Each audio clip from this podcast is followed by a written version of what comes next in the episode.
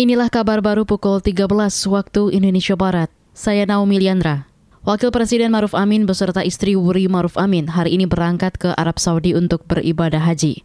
Juru bicara Wakil Presiden Mas Duki Baidlowi menjelaskan, pelaksanaan ibadah haji Wakil Presiden itu dijadwalkan bertepatan dengan Haji Akbar sekaligus memenuhi undangan dari Kerajaan Arab Saudi.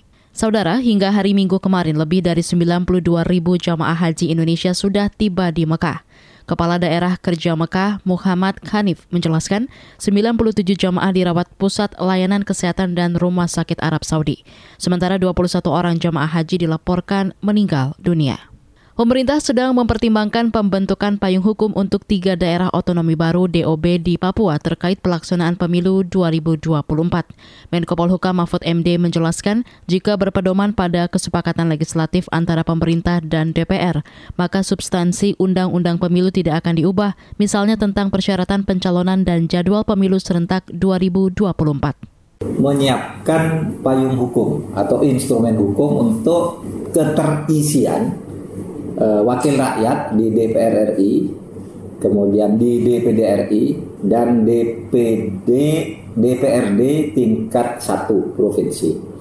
Nah karena itu kan baru, ya ini harus dibuat. Cuma instrumen hukumnya apa? Apakah itu bentuknya hukum, apa perpu atau apa gitu atau perpres atau PP Menko Polhukam Mahfud MD juga mengatakan penambahan substansi di Undang-Undang Pemilu terkait tiga daerah otonomi baru di Papua akan diatur dengan regulasi setingkat undang-undang. Sebelumnya dalam rapat paripurna akhir Juni lalu, DPR resmi mengesahkan tiga RUU daerah otonomi baru Papua.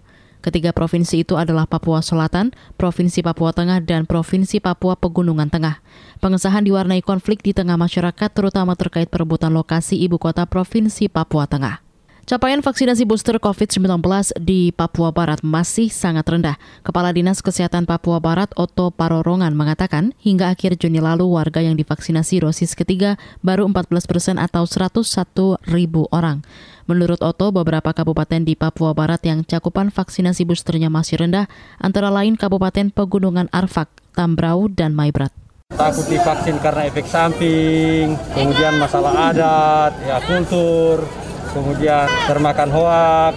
Uh, ada beberapa wilayah ya, uh, Pegunungan Arfak, Tambrau dan Maibrat ya yang cakupannya masih rendah. Nah ini kita harapkan ya para tokoh-tokoh agamanya, tokoh-tokoh masyarakatnya Kepala Dinas Kesehatan Papua Barat Oto Parorongan menambahkan capaian vaksinasi dosis pertama sudah mencapai 64 persen, sedangkan dosis kedua 47 persen dari target 797 ribu orang.